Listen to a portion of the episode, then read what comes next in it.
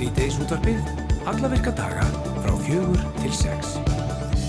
Verið velkomin í Sýteis útvarpið. Ég heiti Valur Grettisson og með mér er Rappmildur Haldurstóttir og við ætlum nú að fara yfir ímissat í dag. Já, Gæðhjálp er orðin aðilegað umhyggju, félagi langveikara barna og við ætlum að ræða það við Árníu Ingvarsdóttur sem er frangatastjóri umhyggju, hún ætlar að koma til okkar og útskýra hvað þetta þýðir fyrir þá félagi í Gæðhjálp en það verður haldið nefnitt keiningafundu núna á fymtudaginn um þetta. En var komið tíma á það að svona aðeins fara að hressu upp á geðheilbriðismálin hjá, hjá börnum allavega. Já, einmitt, eins mikið og er talað um það. Já, þetta verður spennandi, en svo eru náttúrulega líkur á því að Elgós kom upp undir sjónari eldegi á Reykjanesinu.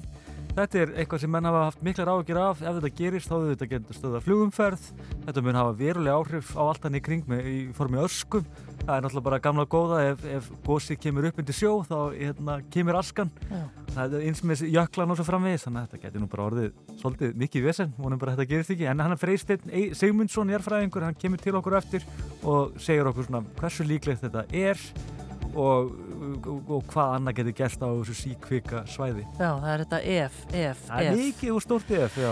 Svo ætlum við að ringja norður til Dalvíkur en leikfélagið á Dalvík hefur óskað eftir því við bæjaríföld að minnisverði verið reistur um tökur á þáttunum True Detective og uh, þeir hafa náttúrulega verið síndir á Max HBO sjóhanstöðinni við mikla vinsaldir og Dalvík þar með komið á kortið og Fríðjón Árni Sigurvinsson hann leikið þáttunum og hann er upplýsingafullur í Dalvíkubiðar og ætlar að þess að segja okkur að þessum ævintýralegu áformum þannig. Ertu búin að horfa eitthvað á þetta? Einn, Einn, já. Og það er draugarnir. Já, já, það byrjar ansið svona, fór um mig undir teppinu. Já, þetta er nú ekki allra, þetta er nú svolítið myrkir þættir en það Ísland kannski býður upp á myrkrið, ég veit það ekki. Já, En þetta var, já, þetta er alltaf sjónvarp. Svo auðvitað hefur ný bara lífvera bæst í flóru sjáardýr á Íslandi. Það fannst sér satt kolkrabbi og hann var uppgötar í upphafið síðasta áratugar og nú er staðfest að þessi örlitli krabbi er alíslenskur og hefur nefndir ægir í höfuð á jötninu sjálfum. Það eru þau Steinun Hilma Ólafsdóttir, sjálífræðingur hjá Hafrarsakrastofnun og Guðmundur Guðmundsson, flokkunarfræðingur hjá Náttúrufræðistofnun sem koma til okkar og ætla að ræða hennar merka fund sem sagt, það er nú ekki hverjum degi sem við finnum bara nýja sjáalífveru hérna yfir strendur Íslands. nei, En, einmitt. en nú er vist að, að uppgöta, skildist mér á þeim í samtölu máðan, en við fáum að heyra hérna, meira um þetta eftir. Vinstri skittan og mögulega höggþingsti maður Íslandsögunar Siggi Sveins, hann var fyrir því óláni að óprúknir aðila stálu fagurrauðum bensínknúnum golfbíla í hans eigu. Og þetta var í golfklubnum upp í Mosó. Já. og Siggi Sveins er búin að gefa hérna út yfirlýsingu á Facebook og hann, já ég veit ekki hvort við höfum að fara orðrétt með það sem hann sagði en hann allavega bara vonast til að þeir skili bílnum, þetta er honum bara mikið í mun að hafa sinn golfbíl Þetta er alltaf hraustasta handbóltakempa íþrótarsögunar. Ég er ekki vissum að ég myndi vilja hafa þennan mann á eftir mér. Þeim er hotlast að skila þessu bíli Já. fyrsta held ég. Við ætlum að ringja í Sigga hérna á eftir Og svo er það flugfélagi, flugfélagi Play, þau, þeir eru komið vilirði fyrir hlutafjáraukningu upp á 2,6 miljardar króna. Markmið er fyrst og fremst að styrkja lausafjárstöðu félagsins og en aftur á móti það gætir á smá óráleika í farðaðinaðinu meðal annars tengdum hjartræðingum að Reykjanesi sem hefur neikvað áhrif á eftirspurn og svo var verkfall flug umferðarstjóra og það var þungt fyrir marga. Ofan á allt annað hefur hlutabriðaverð Æslandir lækkaði meir en 9% en það þarf ekki endilega að tengjast þessu öllu saman. Herru, bara, verður, komdu sæll að blessa þér, Birgir. Jónsson. Góðan daginn, takk ég fyrir, takk, takk.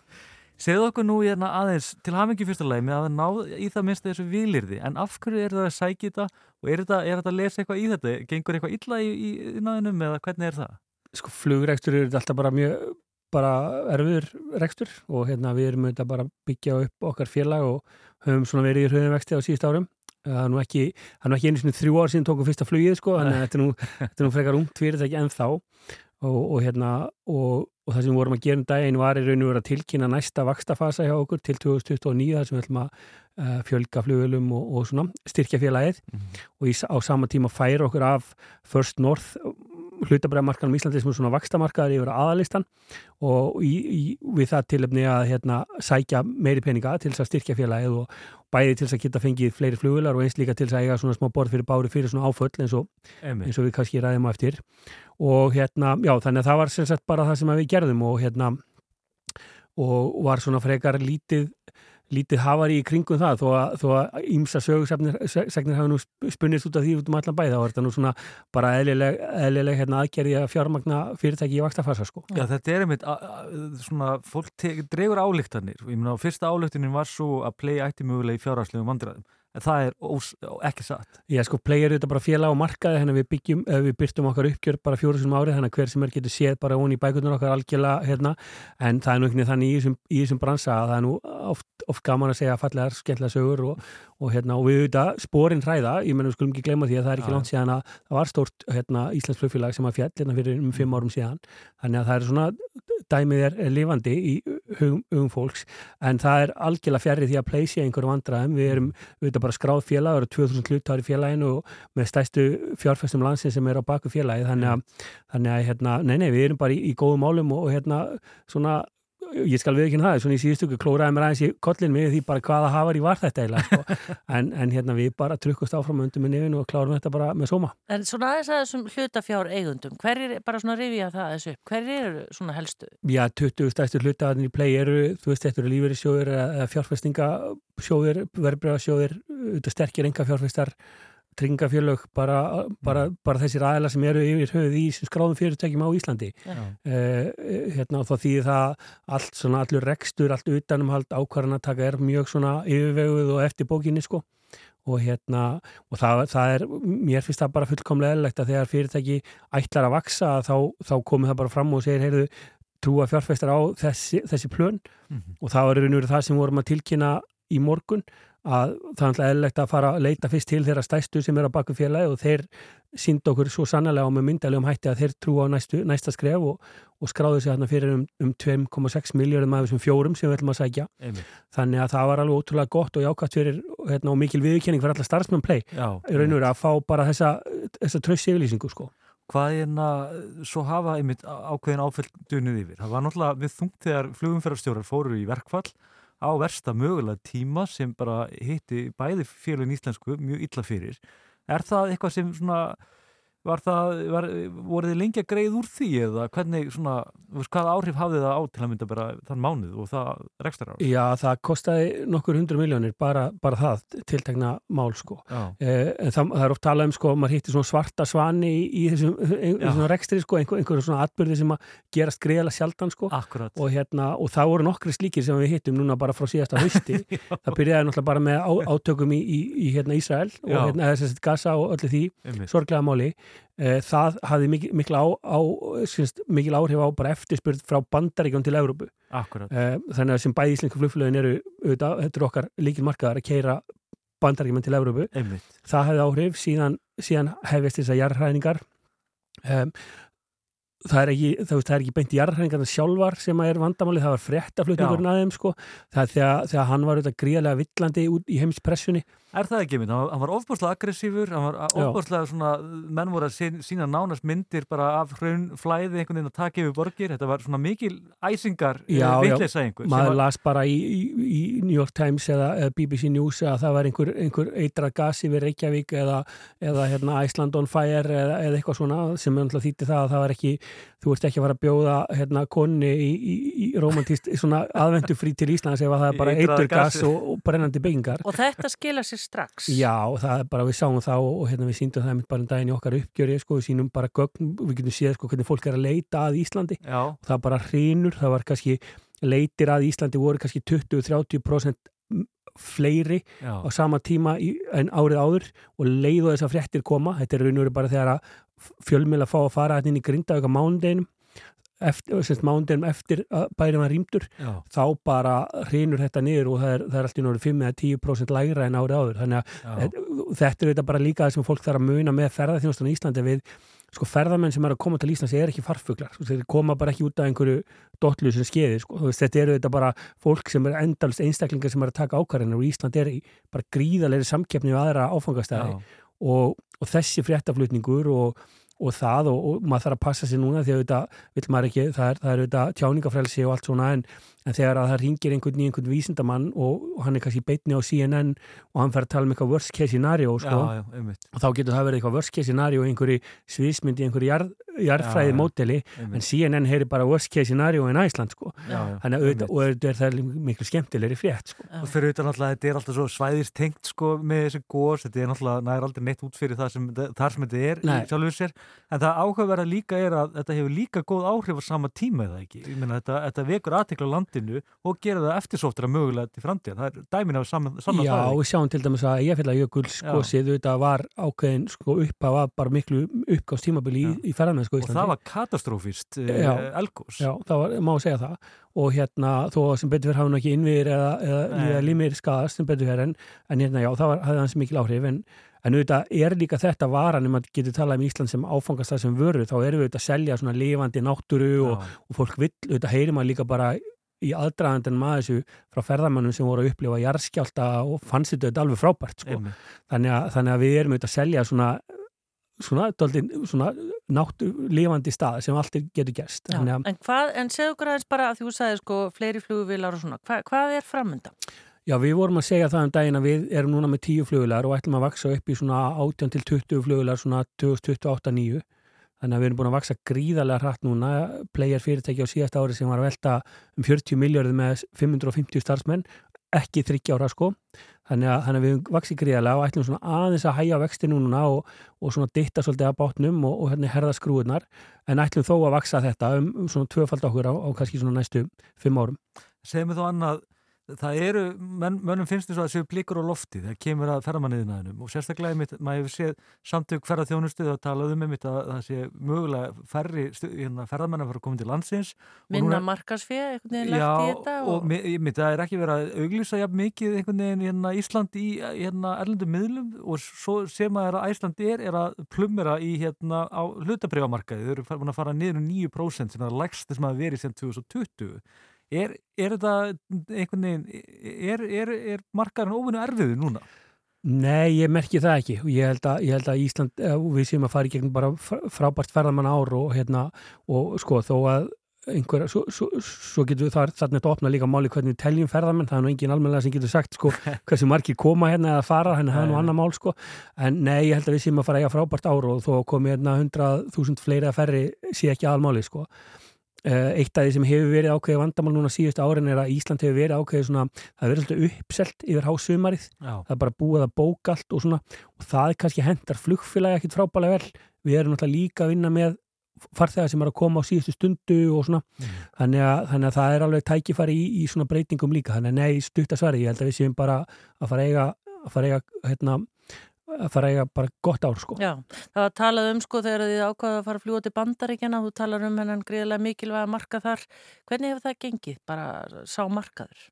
sko, þetta- Amerikuflug fyrir okkur er ákveðin svona forsenda fyrir því að það sé hægt að halda út í svona tíðu flugi til, sko, við skulum segja bara Íslandingar til dæmis sem er að fara til Spánar eða í sólina á sumrin bara það að hafa allt þetta starfsfólki í vinnu og þess að flugulegur en en rekstur þá þarf eitthvað að vera meira að gera en það þannig að, þannig að sko Amerikuflug og þessi tengiflug er svona kannski Þetta er svona kjötu og karteflunar einhvern veginn í, í svo kemur svona ísinn, það það er svona kannski spánarflugið. Það myndi ekki vera hægt að hal- halda út í svona miklum hérna, tíðum flugferðum bara fyrir íslenska, íslenska neytendur eða væri ekki þetta líka. Þannig að þetta er svona, Og ætla að sækja þá meira þar, eða hvað? við, svona, við erum svona meira reyndar að, að einbæta okkur að hérna, þessi svona, þessi, við skulum, ef við kallum lesjör eða þessi, þessi sólarflugi sko, Mm. en hitt er svona ákveðin grunnur. Þannig að þetta er, og trikkið í þessu er að halda þessum balans sko. Já.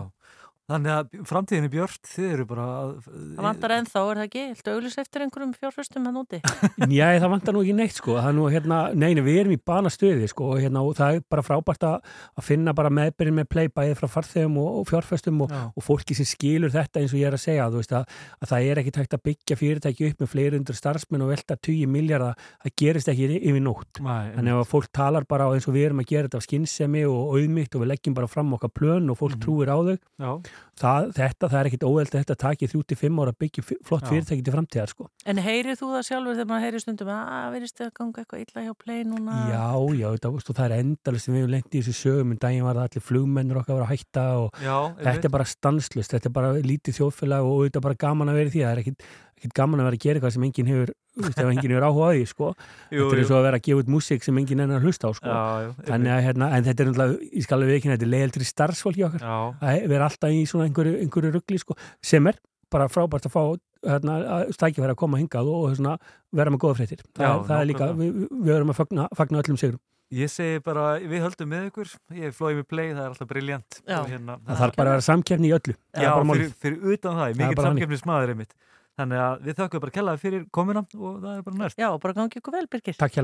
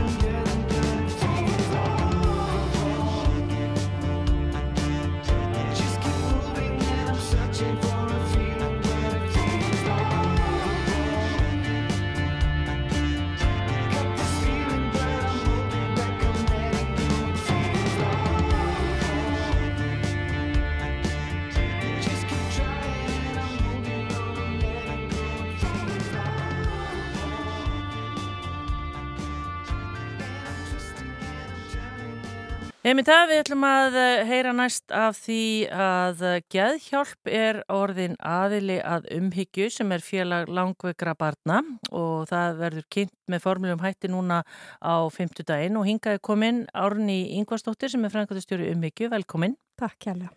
Eh, hvaða þýðingu hefur þetta fyrir, eh, hvað ég var að segja, aðstandi, eða, já, aðstandendur og fjölskyldur sem að þurfa að nýta sér úrræði eh, með, eh, já, hérna, fólk með geðraskanir? Já, ég, sko við, við erum byrjað að segja að við fögnum því mjög að geðhjálp sé komin uh, inn undir okkar hatt Já. hjá umhyggju. Uh, við höfum svona lengi hortið þess að kannski uh, fóreldrar barnar sem eru með alvarlegar gerðanar áskorunir og eru langveik þar á leiðandi tilhera kannski uh, hverki. Við hjá umhyggju erum með núna 17 aðildafélög sem eru þá svona eh, félög sem að eh, tengjast á sérstökum sjúkdómum, hjartveikum börnum, krabbmennsjúkum börnum og svo framvegs sem að geta þá sótt styrk, stuðning og e, allskynns tjónustu til umhyggju og núna með því að stopnaði verði fóreldrahópur innan geðhjálpar þá geta fóreldrar barna með geðraskanir einnig gert það. Já, sem Mm. áður hafa kannski bara þurft að koma sér í gegnum einhvern frumskó eða hvað? Já, bæði það og svo er það líka þannig eh, að það hefur náttúrulega, þetta hefur kannski verið alltaf viðhorsmál líka að foreldrar sem eiga jafnvel mjög veik börn sem eru að klíma við hérna geðrannar áskorunir, eh, þau hafa jafnvel ekki upplifað sér sem að þau eigi alvöru langveik börn af því að þetta er geðrænt.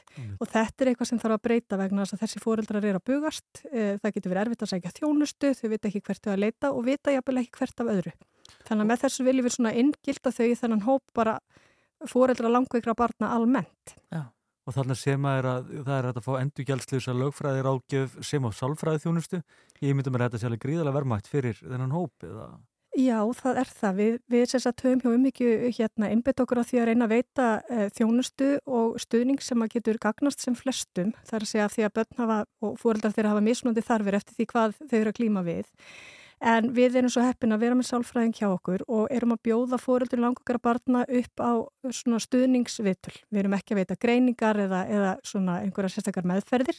Heldur eru þetta fyrst og fremst stuðningsvitul og þau eru endurgjaldslaus sem er náttúrulega mjög dýrmætt fyrir fóreldra vegna þess að þetta er náttúrulega rándýrt að fara til sálfræðings. Einmitt. Og svo erum við líka með lögfræðing innan okkar raða sem að getur þá aðstofa fólk varandi réttindamál og annars slíkt, einni endurgjaldslust. Já, en við þetta og ég meina umhyggja er náttúrulega orðið bara mjög stórt batteri ef að þannig má orðið komast, 17 aðaldafjölu og er þetta þá 18 sem bætist þá við? En þetta er 17. Þetta er 17. Já. En ég meina er þá ekki, skapast þá ekki byðlisti eða komast allir að, eða hvernig virkar það? Já, hinga til, þá hefur þetta bara gengið príðilega. Við höfum svona verið að, að bæta við í þjónustuna hjá okkur en já, við skulum bara sjá og, og spyrja leikslokum en við ætlum að reyna að þjónusta sem flesta Já. og það er, að segja þá sem virkilega þurfa á að halda og mér langar bara að benda á þetta á náttúrulega við um sem sagt fóreldra þá uh, langvegra batna á aldrei 0 til 18 ára og allt sem að þjónustun okkar kemur eins og líka fjárstyrkir og annað, það er náttúrulega fyrir gegnum ákveði ferli til þess að skilin læknisvotur og öðru slíku til þess að svona, við getum vitað að þetta er að fara á, á rétta staði. Já, Þannig að hérna, en við bara, við sjáum hvað en Svo, svo er kynningafundur á fimmtudaginn, ekki satt? Jú. Og hann verður hvar? Þetta verður uh, haldið í hátteginu og fymtudaginn í valsheimilinu í aðmiminnir sal 2 og það er geðhjálp sem að stendur í rauninni fyrir fundinum en við munum koma frá umhyggja á fundin og vera með smá framsögu og, og svona kynningu á því hvað félagið hefur upp á að bjóða og ef það eru foreldrar þarna úti sem að eiga langveik börn sem að eru að glíma við geðrannar áskoranir þá hvetjuðu til þess að, að hérna, mæta á staðin og taka þátt í að stopna þennan hóp. já, emmi, það er kannski bara svona forsendan fyrir því að þetta fara allt rétt að þú gangir fyrst, fyrst inn í geðhjálp. Já, Já. Og, og okkur fannst það bara svo mikilvægt, við erum búin að melda þetta með okkur lengi hjá umhyggju hvernig er hægt að koma þessu við og það er svo mikilvægt að það sé einhvert svona alvöru batteri sem kannski heldur utan um hópin þótt að séu síðan fóreldarnir sjálfur sem er unni drífi starfið vegna þess að það er nú þannig og við höfum séð það áður að fóreldra langveikra batna þau auðvitað vera börnin stór og fóreldrarnir brenna síðan bara út. Þannig að þau kannski ráð ekki við það að vera að halda upp í svona starfi og svo kannski bara deyri það út e, þegar, að, þegar þeirra börn eru vaksin úr grasi. Og við viljum reyna bara að koma í veg fyrir það og þess vegna er þetta frábær lending á okkar mati. Hvað kom til að þið svona eh, náðuð þarna þess saman umhyggja og, og geðhjálp? Já, þetta, eh, já, segja? Já, sérst, við óskuðum höfum frumkvæða þessu hjá umhyggju. Uh, mér kannski rennur blóði til skildunar, ég er sálfræðingu sjálf í grunninn og hérna, og þetta hefði lengi verið uh, bara umræðu efni hvað með þessi börn, af því að Mhm. þau eru ekki síður uh, veik heldur en hinn. Einmitt. Þannig að við höfum samband og við höfum svona verið að funda af og til með þeim og núna loksins þá er þetta bara að verða veruleika. Við erum bara mjög spennt. Og er þetta viðþorf kannski svolítið svona gleymistundum að, einmitt eins og segir sjálf, þetta er langveik börnurumverulega sem, sem eru náttúrulega eiga við gæðranna vandræði að kvilla stríða Já, og það er eins og það sé náttúrulega ekki liti á það með sömu augum kannski og ef bara það sé líkamlegi kvillar eins og, akkurat. og oft, oft er. Það er- er nú meinið sko og, og hérna og þetta við lítum þannig á að það skiptir ekki máli hvar í líkamannum, hvort þetta er í heilanum eða hjartanu eða hvar annar staðar. Eh, Þannig eru veik börn á ferðinni og það er alveg ótrúlegt þegar maður upplifir að hitta foreldra sem eiga börn sem eru það veik að þau eru í lífsættu á hverjum einasta degi. Mm. Foreldrar hafa jafnvel þurft að sitja yfir þeim vikum og mánuðum saman en foreldrarnir segja samt sem áður, já, barni mitt er nú kannski ekki langt veikt, það, það er ekki með svona veiki eða, eða hérna, það er nú ekki með þetta eða hitt og svo kemur eitthvað inn í einhver annar sjúkdómur e, og kannski bara hreinlega gangast ekki við því að, að, hérna, að þetta eru raunverulega langvinn veikindi Einmitt. og þessi börn og þessi foreldrar þau eiga bara rétt á, á öllu því utanumhaldi og stuðningi bara alveg eins og allir hinnir. Já, og fyrir þá sem komast ekki að fundin á fymtudaginn klukkan 12 sem að verður í eh, N1 höllinni á hlýðarenda, hvað eiga þeir að gera? Hvert geta þeir snúið sér? Já, þeir geta náttúrulega snúið sér bara tilgæði hjálpar og hérna aðtöðað, heyrt frá þeim. Eh, Það er náttúrulega forsenda þess að ganga í þennan fóreldrahóp sem að verður stopnaður. Eh, Það er að vera félagsmaður þar og síðan er að sjálfsögðu líka hægt að hafa samband við umhyggju og, og bara leita, Já. leita ráða Já. hvað sé næst að gera. Nefnum það. Gangi ykkur vel með þetta allt saman, Árni Ingvarsdóttir, frangatastjóri umhyggju og takk fyrir komuna í síðteis útvarpið. Takk kærlega fyrir. Síðdegisútvarpið. á Rástfö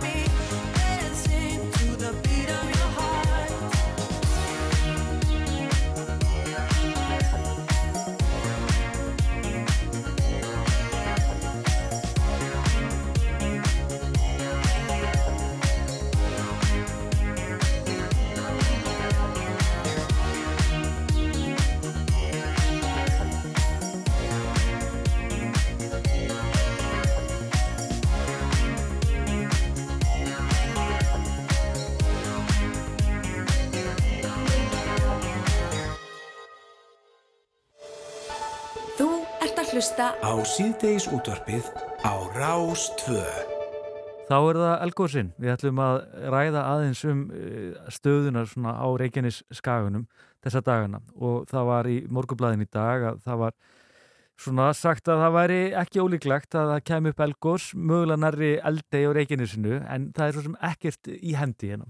Hann Freystedt Sigmundsson, jarðfræðingur, er komin til okkar og, og kannski bara langar að spyrja það aðeins bara svona eh, hver er svona staðan í þessu, svona þessari síkviku stöðu þarna á Reykjanesinu? Góðan daginn.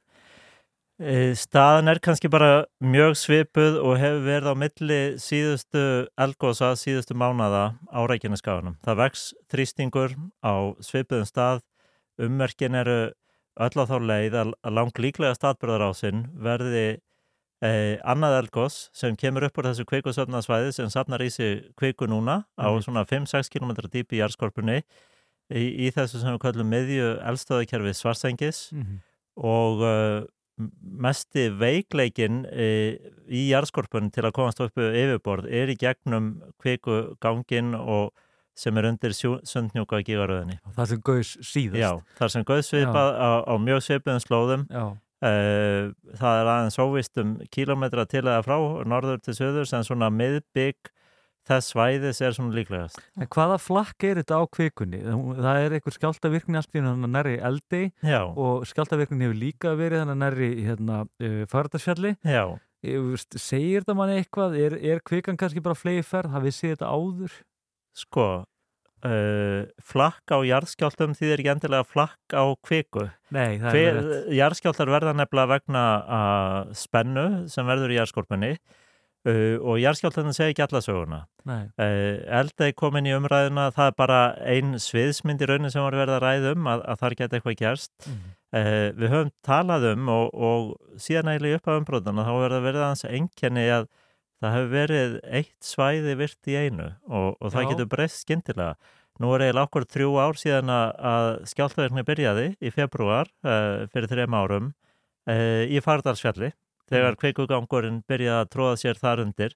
Þar tók hann langan tíma uh, alveg til 19. mars áður en eldgóðs varð. Uh, en virkni getur farið á, á, á milli. Það sem er kannski þegar við tölum um þetta flakk eða svona tenging á milli þá eru kannski frekar að hugsa um að það sé svona ákveð þrýsti samband kannski jafnvel djúpt bara ofan í jarðmöllinum Eh, þannig að ef að ein, eitt svæði fer á stað þá eru minni líkur á öðru. Við getum líka að hugsa þetta Já, að sumuleiti sem pípulögn og, og, og, og, og, og lagnakerfi þarna, kvikunar uh, undir skaganum. En er eitthvað sem að, þú veist, þið eru búin að læra núna á þessu af því það eru komin þessi eldgós, er þið ekki Já. sex eða hvað? jú, jú.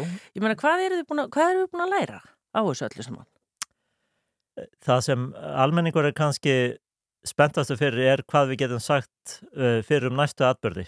Uh, og jú, það var til dæmis sagt fyrir um síðast elgós. Uh, Vístamenn veðastofun búin að rekna það út að, að það var ákveði rúmmál sem fór út í Mm. uh, út úr þessu uh, kvikuhólfi uh, í elgósni í janúar og, og það var áætlað Sú, sú spá var mjög nákvæm. Það Svo, var alveg svo, spá merkilegt. var, var bísna nákvæm og, og byggist á skilningi á það sem gerist neðjarðar og við vitum að það er þrýstingur að aukast á sama stað núna þannig að, að það er svona það, þetta, þetta, þessi, þetta forspórgildi Mhm. en síðan höfum við líka uh, það er náttúrulega hlutinni gerð svo hratt að það er kannski takmarkaðu tími fyrir marga til að koma að því að greina gögn en, en við Við Háskóla Íslands höfum til dæmis rýmri tíma að því að það er náttúrulega okkar hlutverk að rannsaka og, og, og, og menta en, en við höfum í, í mínum huga frekari skilning á hvernig þessir kvikagangar myndast. Við erum að reyna að setja það í samhengi við bara ferli á öllum eldvirkum svæðum í heiminum og, og, og nýta Ísland þannig sem svona levandi rannsóknastofu. Mm.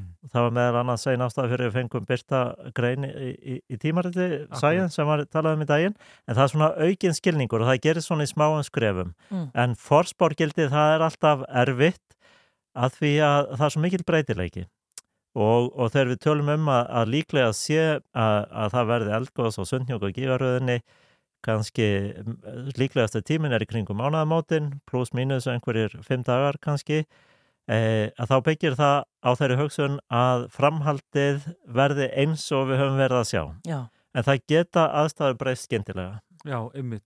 En segjum við þá, einmitt, að þegar við tölum um þessi svæði, sundnúka gígaröðin, hún er hluti af svartsengi, eða ekki? Eða er Jú. hún hluti af faradarsfjalli? Uh, við, það er svona aðeins á reiki hvernig þessi skipting er uh, gerð á reikinnaskaganum en það er íminslega sem bendir til að sundnjúka gígaröðin og gígaröðin sem er uh, vestar, eldvörp sem hefur verið í umræðinni Já, og allt svæðið þar á milli tilheyri eldstóði kerfi sem getur kallað eldstóði kerfi svartsengis og það er Já. að því að það er svona miðjan á kerfinu einmitt. og það er til dæmis vísbendingur um að jarðhita kerfið sem að svartsengis orkuverið nýtir og bláa lónið að það sé dálítið víðáttu mikill og, og nái langlegin á milli þessari gígarraða og það sé svona miðjan í kerfinu Já. og þá verður brot á jöðrunum Fagradalsfjall er ekki langt uh, austar Nei, en, en það er til dæmis ekki jarðhiti og hefur svona allt önnur enginni kannski. Já. Ok, En af hverju útskýrið fyrir okkur, af hverju þið er að tala um eldei núna? Jarðskjáltaverkni Já, e, e, það voru e, e, hafa verið jarðskjáltar e, þannig að ósjálfrátt leitar hugurinn kannski þangað. Mhm. e, en þá þarf að, að vega og meta sko hvort þetta er það, það, þetta getur verið í rauninni bara eðlilega virkni. Já, e, vegna þess að svæðið e, undan Reykjanest há er, hefur rauninni verið mjög virt e, með jarðskjáltum núna í, í mörg ár. Þannig að, að hugsanlega er þetta ekkert, eh, ekkert sérstök virkni, eh, ekkert meiri. Það er svona að rýna kannski aðeins betur í það. En það vekur vissulega alltaf upp hug, í hugan bara að mögulegar atbyrðar á sér og uh, í umbrótunum uh, á uh, frá upp á landnáms og fram á 13. öld þá er talað um jannálum um eldvirkni út í sjó. Hluta því kann náttúrulega vera eins og eldgóðsið sem er þekkt uh, yst á, á Reykjanestáni þar sem kvikugangur nær út í sjó mhm, en það geta verið umbrot uh, uh, í sjónum. Þetta er í rauninni bara mjög svipar aðstæður. Þessi flekaskil halda áfram. Við búum á flekaskilum og þau halda bara áfram þannig sjóin. Það er engin Já. sérstök breyting ákvört við, við sjáaborð sko. einmitt. nei, Segðu mér hérna, eh, er sko, landi fara að rísa á ný, ekki satt? Já, Og þetta hvar, hvar eru við stödd í þessu risi núna? Við, sjáum við að, þið, getið þið farið að gera, ge- gera einhverja, einhverja grein fyrir því? Hvenar mögulega gís næst eða hvort það gjóðs Já. næst? það er bara uh, nokkuð skýrt að það verður búið að ná sama rúmmáli þetta kvikusöfnasvæði og, og rúmmálið á, á, á góðsefnunum og, og kvikugangi sem kom út í síðasta góðsi og, og það gerist uh, svona í kringum mánaðamótin pluss mínus einhverju dagar Mm. Það er bara svo einfalt. já, uh, en Og þá er, þá er bara spurning hvenar það brýst upp og allt Já, þetta. það eru óvissur. Já. Uh, það eru óvissur í, sko, fyrsta lagi hvort að nákvæmlega þessari uppskrift, hvort að jörðin fylgi þessari uppskrift. Það getur verið að söfnaðsvæði sé eitthvað aðeins öðruvísi í jarðskorpinu og það sé ekki nákvæmlega sami brotstyrkur. Við getum hugsað þetta kannski daldið svona eins og bara ventil sem hleypir efni í gegnum ákveðan þrýsting. Uh, og uh, hver nákvæmlega þessi mörk eru þau geta verið aðeins óviss og breytilega með tíma og breytast með tíma. Já, þannig að, að við verðum að vera bara uh, vakandi og það er náttúrulega fylgst gríðarlega vel með uh, og, og það er leikillin já. En Freysteinn, sko, mér langar að spyrja þig, sko, að því hún nefndir Háskóla Íslands aðan, ég menna, gengur ykkur, er eitthvað verið að tala um eitthvað annað en þetta núna? Ég menna, eins og varðandi nemundur eða kennslu eða eitthvað slíkt?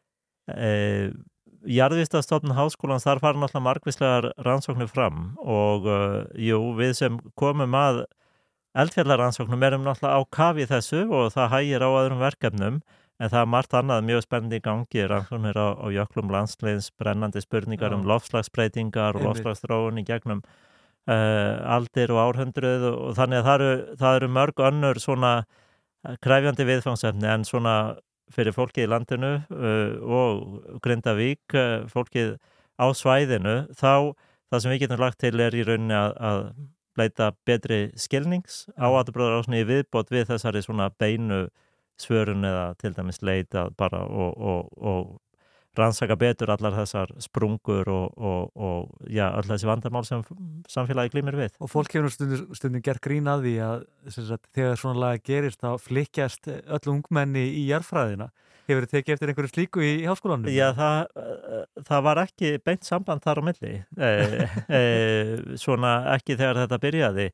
uh, við þurfum að sjá hvort það skilir kannski til aðeins lengri tíma Já, uh, það er mikill áhugi hjá okkur öllum en ungt fólk í dag hefur úr svo mikla móða það er svo ótrúlega fjölbreytilega möguleikar að, að við höfum kannski ekki séð mikla aukningu hérna innlands en við höfum séð að, að Ísland uh, alþjóðlega um, er uh, bara í brennit epplijarvísindum og það eru uh, hópur erlendra nefenda sem er í framhalsnámi hjá okkur uh, við Háskóla Íslands hefur, hefur stækkað mikið á undanfjörnum já. árum. Já. Og kannski bara lokum við, þú, þú skrifaðir greinuð þetta sem í Science Já, ásamt þið þið voru nokkur sem skrifaði já hana. það, það er stór hópur vístamanna Einmitt. og við leiðum þetta saman ég og Michelle Parks við Viðstof Íslands. Og það kannski sýnir líka einmitt hvað er mikill áhugi einmitt að þessi grein byrtistöðu þetta í Science og hún vekur greinlega miklu aðtiklið það ekki. Jú, það er alveg rétt. Það verða, við höfum, við, við erum með einstæðmæli gögn og atbyrður á sem er mjög fjölbreytt og þarna 10. november var atbyrðu sem var svona,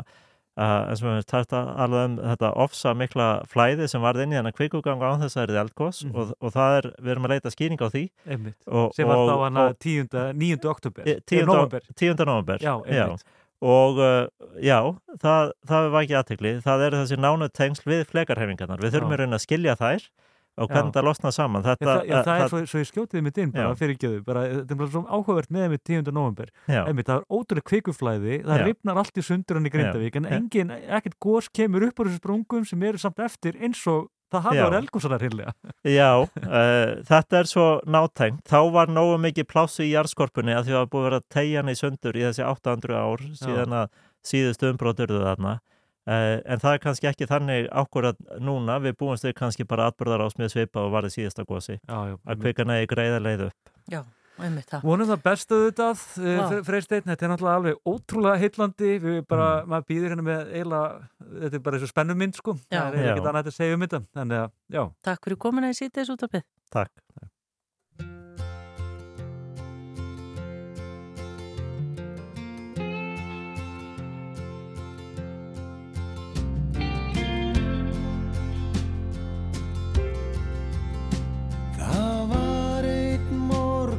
Snemma sumas þegar sólinn kíkti inn. Ég satt við gluggan með kaffið, var að horfa á heiminin. Geistlarnir tipluðinn á hvítum fótum og földu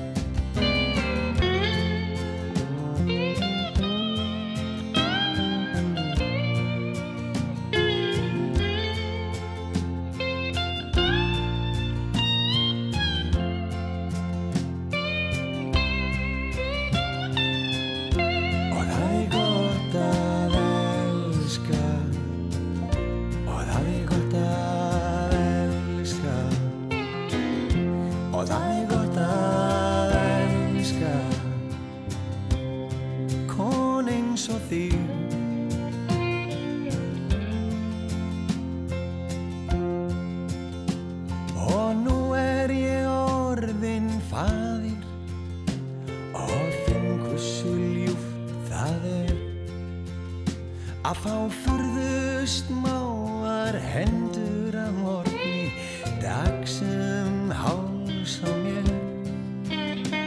Og að hvart konu eins og þér er ástinn mitt eina svar.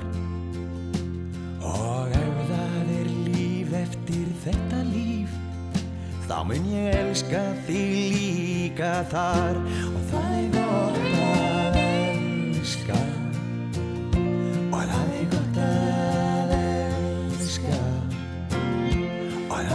það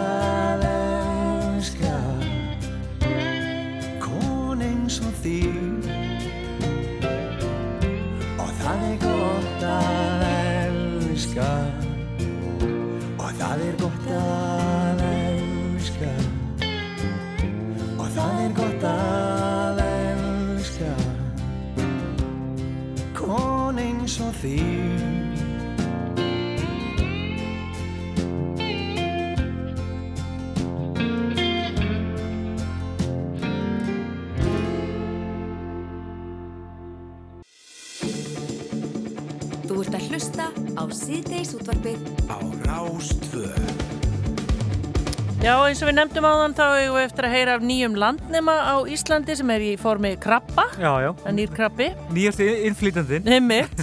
Og svo ætlum við líka að heyra í Sigga Sveins sem er búin að týna golfbílun sínum eða það séðan einhver starfinn rauður og hvítur. Já, og einhverju þjóar sem hann ætlar að finna í fjöru Já. Er, við vonum að, vonum, óskum þeim allar, að hins alls að besta í mjög daginn meir Nefnitt. En við ætlum að byrja á leikfélagin á Dalvík. Nei, fyrir við ætlum að byrja bara á Dalvík. Uh, Það er við, við, við miðjur landsins Þá held, held ég að þetta breytist allt saman En sem sagt, leikfélagi þar í bæ uh, hefur óska eftir við bæjar yfirvöld að minnisvarði verið reistur um tökur á þáttunum True Detective Night Country sem erum við verið að sína núna á sem sagt, Max, held ég að þetta heiti núna var nú alltaf að kalla bara HBO sem var Já, gamla daga. já. Uh, Friðun Árni Sigurvinsson er á línunni, hann leki þáttunum og er að auki upplýsingafulltrú í Dalvíkubiðar. Blessaður og verður velkominn. Já, sæl. Segðu mér nú, segðu mér nú aðeins, hérna, hver, hver er þessu hugmynd, segið þið? Það viljið þið bara reis, er, er verið að óska eftir því að verið bara reis stitta þarna torkinu eða bara af Jóti Foster?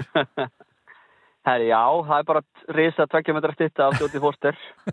Blikkandi með lettljósum og, nei, hérna, alls ekki. Það, le, uh, leikfélag okkar sem er mjög upplugt á 80 ára ammali ár og, og þau, það er mikill hugur í þeim og þau sendu inn þessa hugmynd til byggðaráð sem að uh, reysa skildi hérna, einhvers konar minnisvarða eða minnismerki um, um True Detective. Já, og byggðar og tók nokkuð jákvætt í þetta en það bara, uh, hugmyndin er á vinnu stíi ennþá þannig að þetta kom eiginlega bara á borðið til mín sem upplýsingafylgtrú og ég er í samtali við leikfélagið. Þannig að það er engin, bara mjög spennandi verkefni. það er engin svona eiginleg útfersla þá sem hefur átt sér stað þar sem verið að leggja til hvers konar hugmynd þetta verður. Hvað, hvað, um hvað er að ræða? Þetta er meira bara einhvers konar minnisvarði eða einhvers konar, já, eitthvað sem fólk getur skoðað og, og, og minnst þessara þáttaraðar.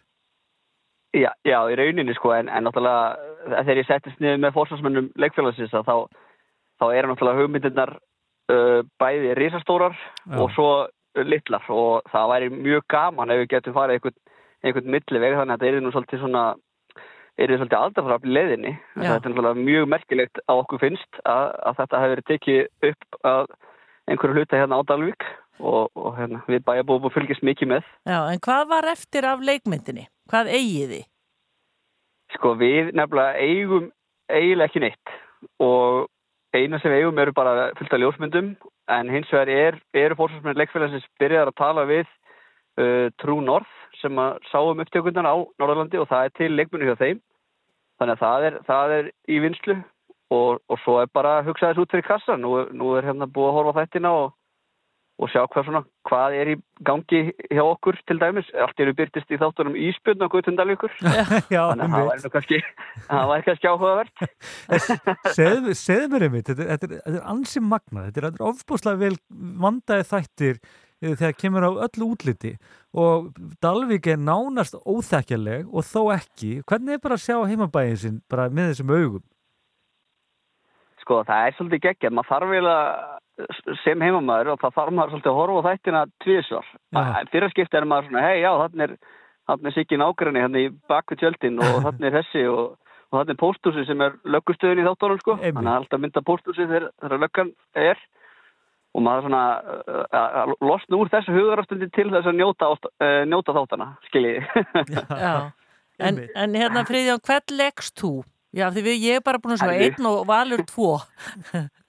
Já, sko ég er náttúrulega eh, með stóruleik, nei ég er að tjóka, ég er hérna, við, við dalvíkingar margir fengum svona, svona auka hlutverk, statista hlutverk, þannig að við erum svolítið mikið hérna, margir hverjir á bakvið tjöldin, þannig að þegar er eitthvað atrið að gerast þá st- stendur kannski fólk og þar eru, þar eru við dalvíkingar og, og nærsveitungar og ég fekk það hlutverk að vera, vera lögga, þannig að það var mjög, mjög skemmtilegt. nú, varstu það í fyrsta þættinum eða? Ég er búin að, var í, ég er búin að vera bakvið tjöldin í, í fjóru þáttum. Nú, En Ég ætla að horfa aftur á, Já, á fyrsta þáttur. Já, en, en meiri þess að sko uh, þeir sem þekkjum mig sjá mig ekki þannig að það er mjög Já. en eða ég bara eins og sé þetta tók fjóra, fjóra daga að vera með og, og maður næri hérna fjóru sekundu, það er skemmtilegt. En, en, en eigið þið von á því að sko bara að það verði trafík til Dalvíkur út af bara þáttunum? Ég meina hvernig, hver, hver er, hvað segja spámenn með það? sko við erum, rennum bara algjörlega blitt í sjóum með það, þetta er náttúrulega fyrsta skipti sem við fáum svona stort verkefni í bæjarfélag okkar og við fáum nú töluvert af ferðamennu til Dalvíkur, bæði hérna varandi fjallaskíði og skíðamennsku og svo kvalaskoðun Þannig að við vitum ekki alveg hvaða áhrif þetta mun hafa en sjálfsögðu ef við náum að gera eitthvað úr þessu þannig að setja upp minnisvarða og, gera eitthvað skemmtilegt að það er kannski líklega að fólk stoppi við þannig að það er mjög margir sem er að horfa á þetta að mér skilst.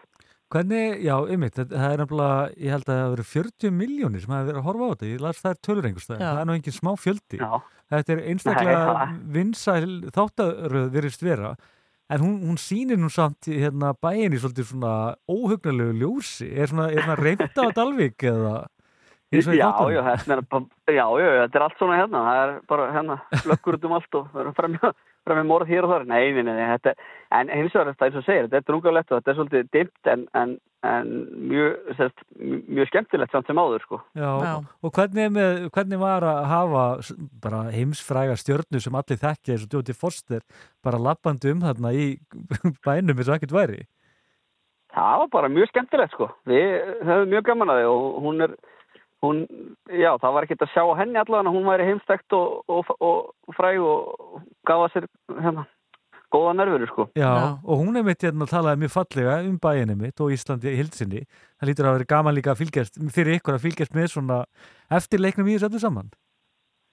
Já, klárlega og bara ótrúlega gaman að hvað fólki leiði vel hérna og, og maður fann það svo vel á, á þessum leikurum og, og, og hérna kvikmyndatöku liði að þeim fannst ótrúlega notalt að vera hérna að það hefði verið tekið svo vel á mótið og, og, og það væri svona skemmtilegu bæjabræður og við kunum bara virkilega mikið að vita það. Já, En hann var kannski líka skjótaði inn í að, að Jóhann Svartalingur, okkar, okkar kannski svona einn af okkar kenni leitum, að hann leki kvikmynd með Jóti Fóster þegar hún var að byrja fyrirlin sinn, sko. Já. hvað með, hvað með? Já. Uh, ég held hún hafi heiti Kerry eða Korni eða ég manna það ekki alveg Nei. Nei. akkurat núna Ok. en ég manna, en þetta er svona skemmtileg saga og það er myndað um hérna á, á beðarsafnun okkar Já, og Saman. þeir sem ekki hafa farið þangað, ég mæli sko með, ég er búin að fara þangað Já. nokkur sinnum og bara ógleymalegt bara til dæmis skotnir hans og, og ringurinn hans og, og bara allt annað sem þarna er á byggðarsafnu. En Fríðan, bara, Já. ert þú sjálfur í leikfélaginu að þú talar um leikfélagi er 80 ára, eh, hvernig er það? Ekki, ég er ekki lengur í því. Ég, ég tók minn, minn tíma þegar ég var aðeins, aðeins hérna, þegar ég var yngri og, og ballus og þá var þetta er eitthvað sem allir er hægt að prófa allavega. Það er nöðsjöld að prófa þetta og ta- taka nokkra sýningar á sviði og, og hafa svolítið gaman af sko. Já, og svo er Og þetta svo þeir- myndalegt leikhúsið, þú meina þetta er einhvern veginn tekur á móti manni þegar maður kemur inn í bæin.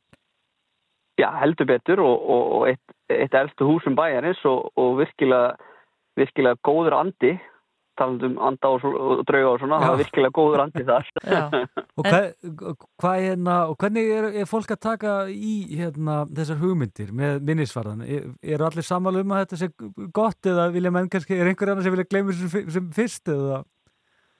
Nei, ég held að allir séu bara nokkuð svona jákvæði fyrir því. Það er, það er mjög mikið jákvætt umtal um þessa þætti og þetta og þennan tíma sem þetta kvikmyndatökuliði var hér vegna þess að það, það var bæri var náttúrulega kolvi og undirlegaður og það var í janúar, februar og náttúrulega dimmt og svona þá setti þetta rosalega mikið líf í bæinn og fólk, fólk talar bara jákvætt um þetta. Það var engin, ég hef ekki eftir neinu sem var eitthvað brjálaður af því að það var einhver sem bara að færa jeppa sinni eða eitthvað svolítið, þetta er allir bara allir, allir þessir sko Já, þetta er skemmtilegt, þetta verður áhugavert að vita hvað, hérna, hvaða munir þetta eru, hvort það er bensíndæla eða, eða ljósastöri eða símastöri eða hvað það er. Ég verð nú bara að segja, ég, mér fannst þetta alveg, mér finnst bærin ótrúlega vel hefnaður og það er alveg, með- það er, það er oft þegar maður sér myndir taknar upp á Íslandi, það er dálítið erfitt fyrir Íslandinga að horfa á þetta, við, við þekkjum þetta svo, allt svo vel, en þarna er bara, þetta er, þetta er alveg glæný mynd af Íslandi einhvern veginn. Já.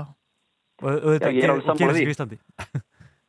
Nei, ég veit, og, og svo er líka búið að tala um að setja upp jólaljósin sem að sjást í Já. þetta rosalega svip á bæinn og sumi vilja hafa það allt árið en hann er kannski ekki alveg allir sem eru sammála því Frábært að vera gaman að fylgjast með þessu Friðjón Árni Sigurvinsson upplýsingafulltrú í Dalvíkubyðar bara gangi okkur vel með þetta allt saman og við fylgjum spennt með er kæra þakki fyrir það Takk fyrir spjallið. Já, sem leiðis, bless, bless, bless. Já, bless, bless Já, þetta verður áhugavert að sjá hvað verður þarna. Ég, eins og ég segi, eini þáttur sem ég horfði á þarna, ég var alltaf að reyna, það er svolítið vondið maður er sko, því ég er svolítið verið á Dalvík og oft komið Já. ángað, að maður var rí- bæði að reyna að fylgjast með söguþræðinum og svo líka einhvern veginn eins og hann sagði, maður þarf vilja að sjá þetta tvisvar. Ég veit það, og það er, maður er mjög upptekinn að því að, að bara þekki þennan Já. hvað er þetta aftur en svo er þetta líka, þessi þættir eru bara bannanar 16, þeir eru bara svolítið óhugnulegir er ekki allra og, en, hérna, en það er kraftur í þeim, það er á nefa, er, hann, er- þeir eru kraftur í þessi þættir Já.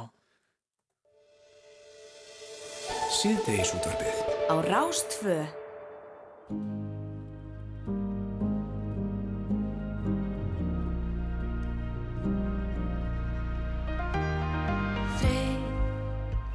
fætur dansa einn Við barinn svona kortir í fyrir þrjú.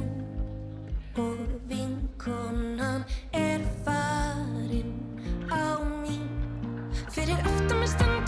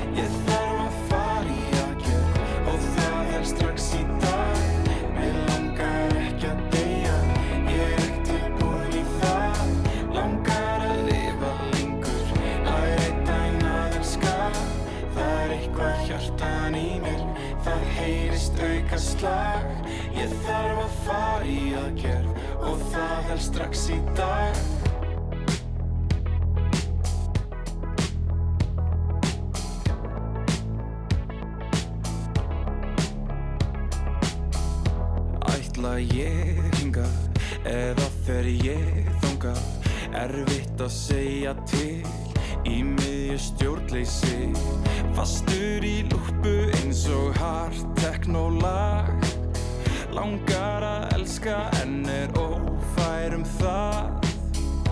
Þrá að þrá Langar að langa. Ég er eins og babúska Tóminn í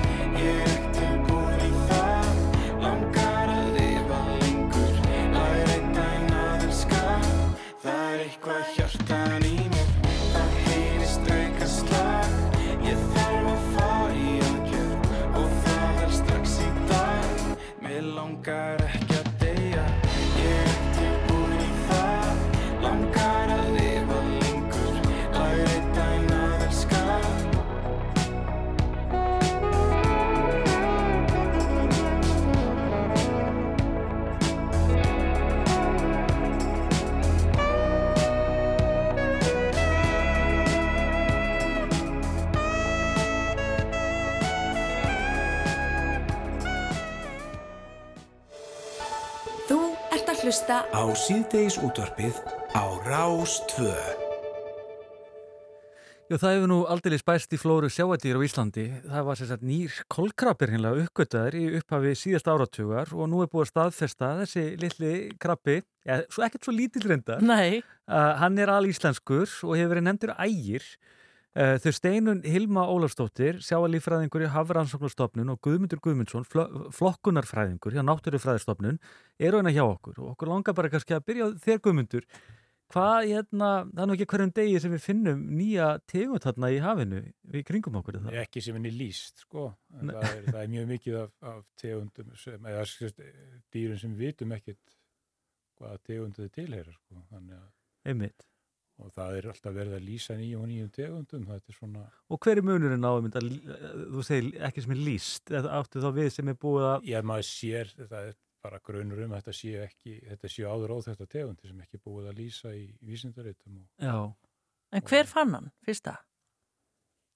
Vitið þið það? var ekki steinun Nei, ég, við fengum hann lifandi upp Já. um, 2017 en hann hefur náttúrulega fundist áður og, og í rannsóknarverkefninu þannig að BOS voru til einhver einn tök líka á honum, var það ekki? jú, jú, jú, jú. Þannig að hann hefur fundist áður en, en ekki eins og, eins og Guðmundi segir, það var ekki komið nafn á hann. já, svo var hann nefndur, hann var satt, mér skildi þannig að það hefði verið komið upp 2012 fyrst, þá var hann svona fyrst sérst í það minnsta og svo hafi, eh, hvað var einhver annar erlendur sjáarlífræðingur sem nefndi hann ægi. E, nei, nei, hann var, hann var nei, nei, hann var, var, var nefndur núna, fekk formlega skýrður mútar túpus ægir Já. þar að segja í höfuð á sjáargunum okkar ægir Einmitt.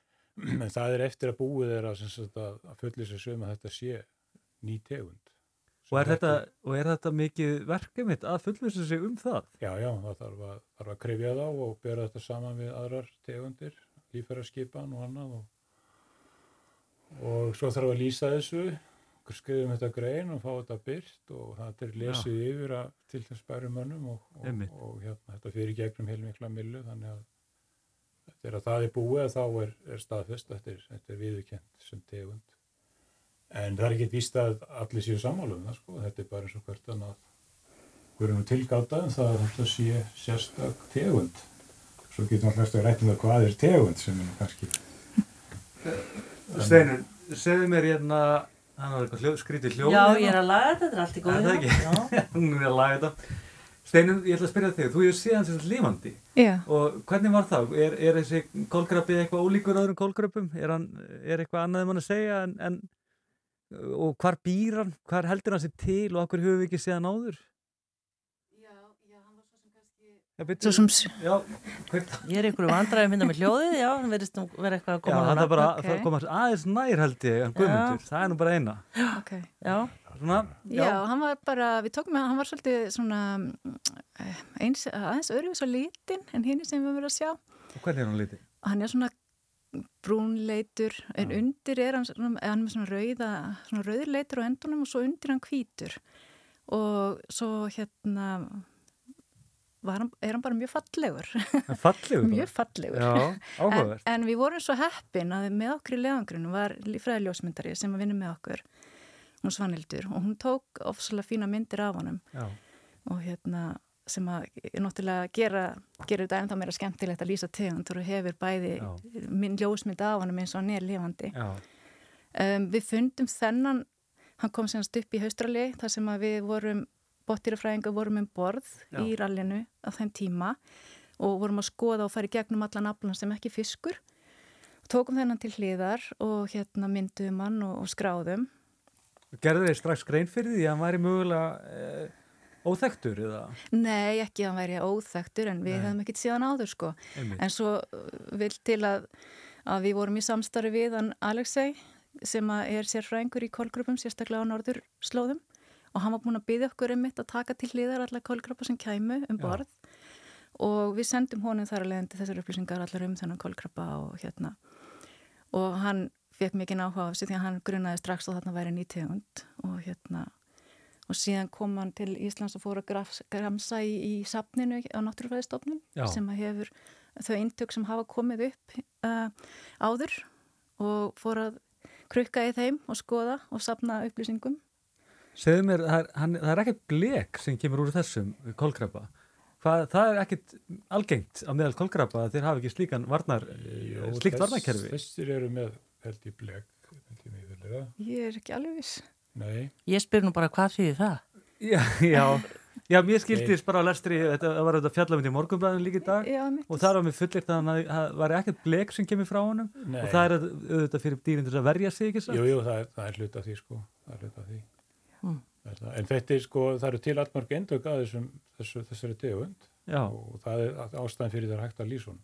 En Já. það kemur líka fram í greininni, það er annari, það er önnur tegund sem að er mjög líklega þarna líka í safninu en henn er ekki lýst, það er, er ekki nema eitt eða tvö endök af henn og það er mjög erfitt að sko að, að fast setja, maður þarf að sjá breytileikan í sko líkansgerðinni til að geta sagt að hvort þetta sé sérstök tegund eða ekki. Já. En það er svona mjög sterkur grunnur um þetta að sé og enn önnur tegund. Sko. Þannig að þetta er alveg þokkalegu stopp, það er sem þetta að segja, svona, það er kannski ekki 90 stoppn eins og þið sögðu á hann, en, en, en, en það er einhver eintök til á, á honum. Já, já, en það er bara mest sko af, hvað við vitum hvað, 3500 tegundir Já.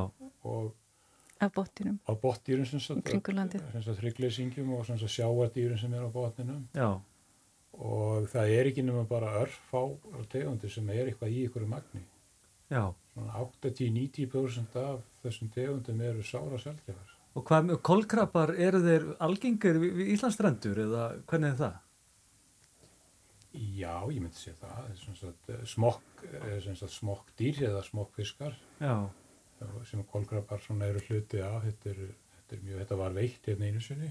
Já, smokkfiskurinn hérna Smokkfiskurinn sko, já, sem já. er þannig á sundir. Hann er skildur þetta er skilt og þetta er mikilvæg nýtjategund við erlendi sko. Já, en, en kolkrabbin, smokkfiskurinn er aðeins öðru sem það ekki.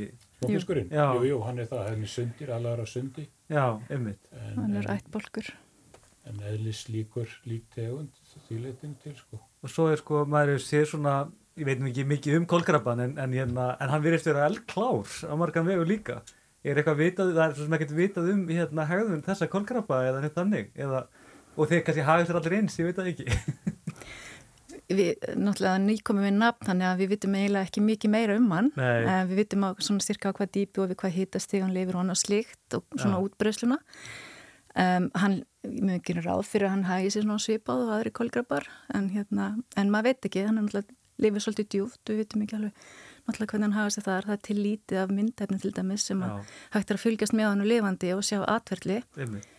Ef, já, þannig að og Hvenær fannst síðast ný tegund í hafinu íslenska hérna í kring? Er, þetta gerir svona alltaf oft. Hann reyndur ekki langt síðan að það var líst nýri tegund í fjörunni, fjörutegund sem að við hefum líst um, það er lindir, heiti svartserkur Já. og fannst í fjörum og hérna verist vera á nokkrum stöðum í landi. Og hva, hver er ástæðan fyrir því að þeir eru að finnast núna? Svona? Er þetta hlínun sjáar eða hvað? Það er ekki gott að segja, það getur verið bara glöggur ykkur lífræðingur sem fyrir hann í fjöru og finnur tegund sem hann veit ekki hver er og fyrir að grúska eða það getur náttúrulega verið að það sé einhvers konar breytilegi útbreyslu tegunda, það koma hingað. Uh, síðan eins og eins og krossfisk, nei hérna kólkrabin er náttúrulega mikið í djúpsjónum. Við þekkjum djúpsjón, ekkit svo rosalega mikið hérna vel í Nei. Ísland, þannig að það er alveg við vitum að við erum að sjá tegundi sem við hefum ekki séð áður þegar við erum að rannsaka þarna en, en það eins og, eins og þið heyrðu það er tölur mikil vinna að, að lýsa nýjum tegundum Já, þú þarft að hafa sérfræðing í þeim dýrahópi Já. til þess að vera ölgur um að þú sért ekki að, ekki að segja eitthvað vitleysu Já. og, hérna, og það er ekki við eigum ekki slíka sérfræðinga hérna á Íslandi ekki marga, við hefum nokkra en Já. ekki marga En ægir, nafnið ægir, hver gaf hann það og hvers vegna? Það var ekki segi Húli Kossar sem er fyrsti höfundurinn af greininni. Hann, hann taldi þetta að vera nafnið á hæfi eftir sjávarguðin og hann hefur, hefur gaman af norrætni góðafræði. Er það raukstuð einhvern veginn eða þarf þess? Eða er Nei, nei, þetta er bara, þetta þarf að vera bara nafn sem er ekki búið að nota áður. Já, svo einfalt. Það er svo einfalt, sko.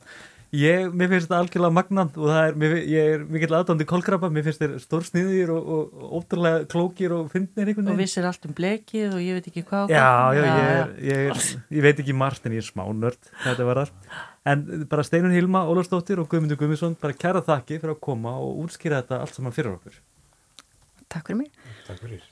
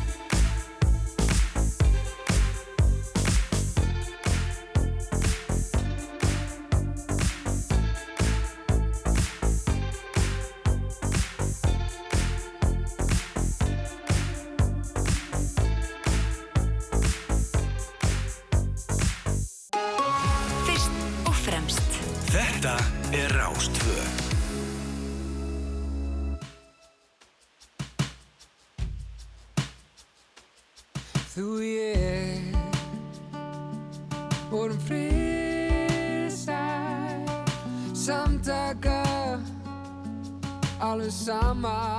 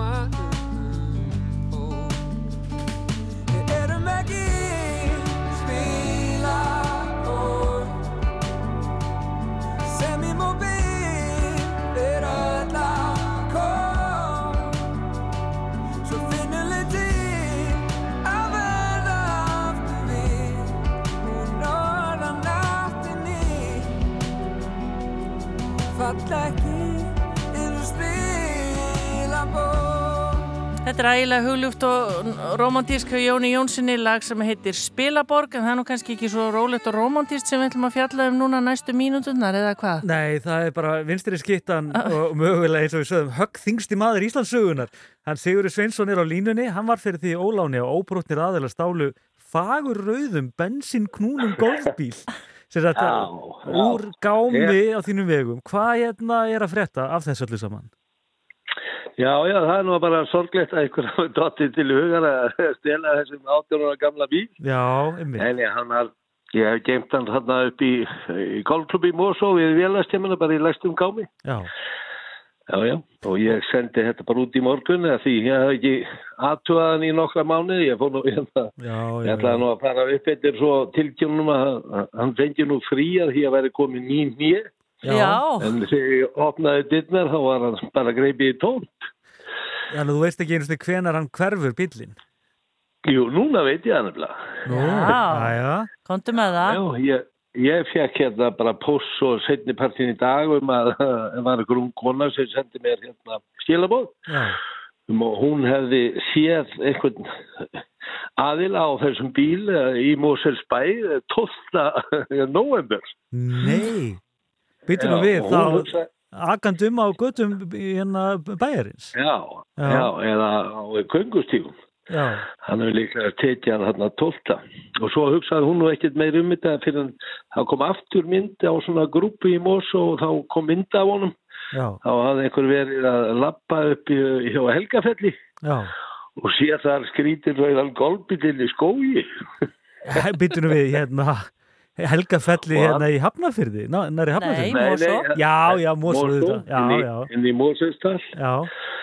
Og hérna, og, og þá kveikt hún á perunu og sendi mér hérna bara tilkynningum og sendi mér með sér svona punkt cirka hvað þetta væri í, í dalnum. Já. En í mittiltíð hindi maður í mig og hann sagðist að vera að lappa með hundin sinn 13. november. Já. Og hann var að lappa líka hann í skóginum og sá hann og hann tók myndir, margar af þessu og sendi þær til. Já. Og lögreglas svaraði bara hún væri búin að taka málið. Já. Og það, ég er náttúrulega svektir yfir lagan að verðum að hafa ekki sett á golfklubin mynda bílnum og spurt svona á ekki einhverja vikur þennan bíl. Því hann er þekst á sko tveim sekundum. Já, en Já, það já. gerðist ekki.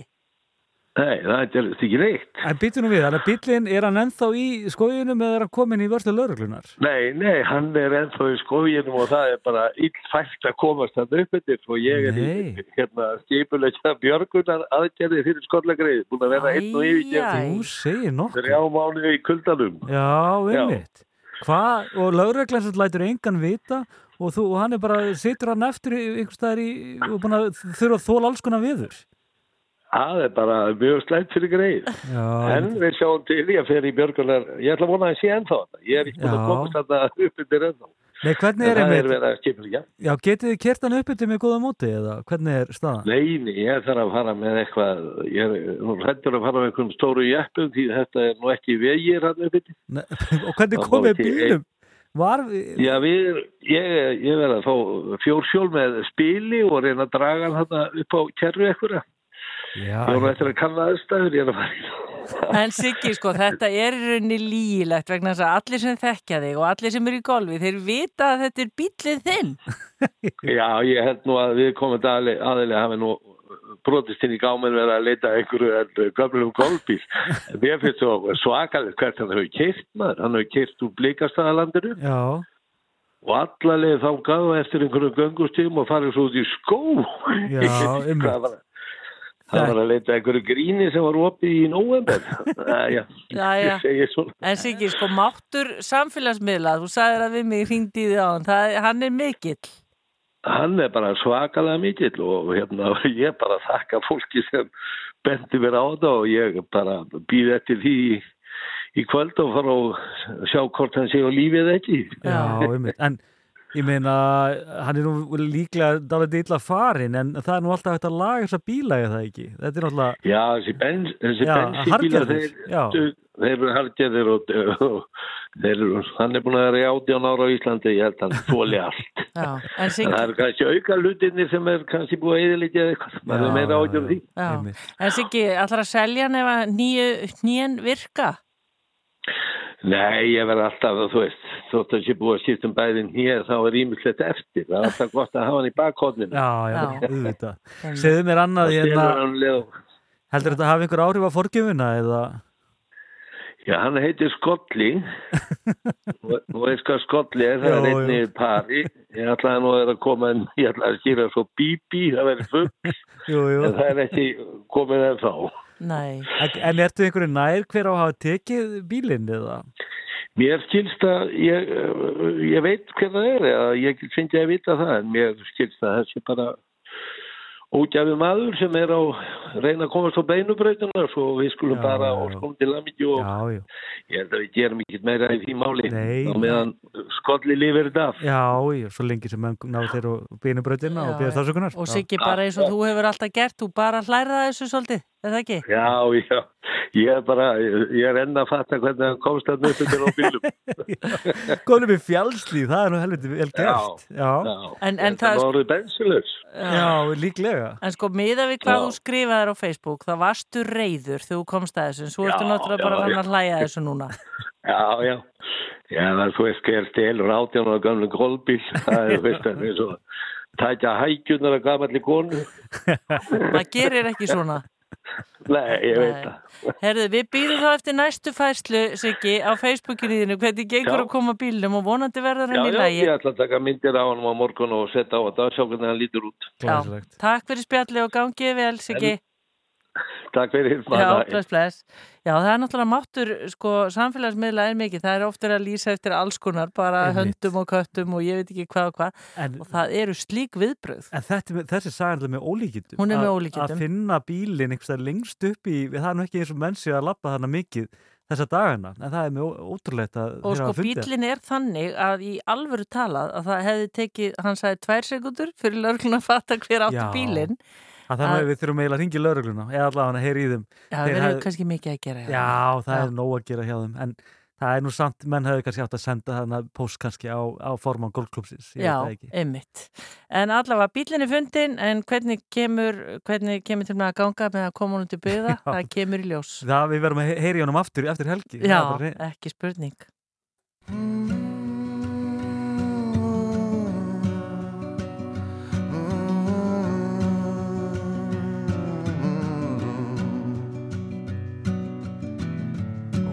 A mystery to me.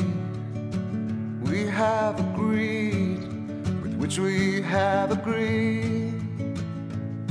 And you think you have to want more than you need. Until you have it all, you won't be free.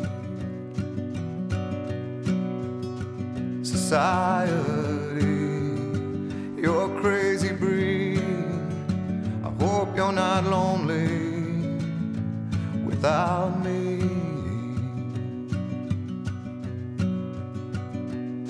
When you want more than you have, you think you need. And when you think more than you want, your thoughts begin to bleed. I think I need to find a bigger place. Cause when you have more than you think, need more space. Society, you're crazy breed. I hope you're not lonely without me. Society, crazy indeed. I hope you're not lonely without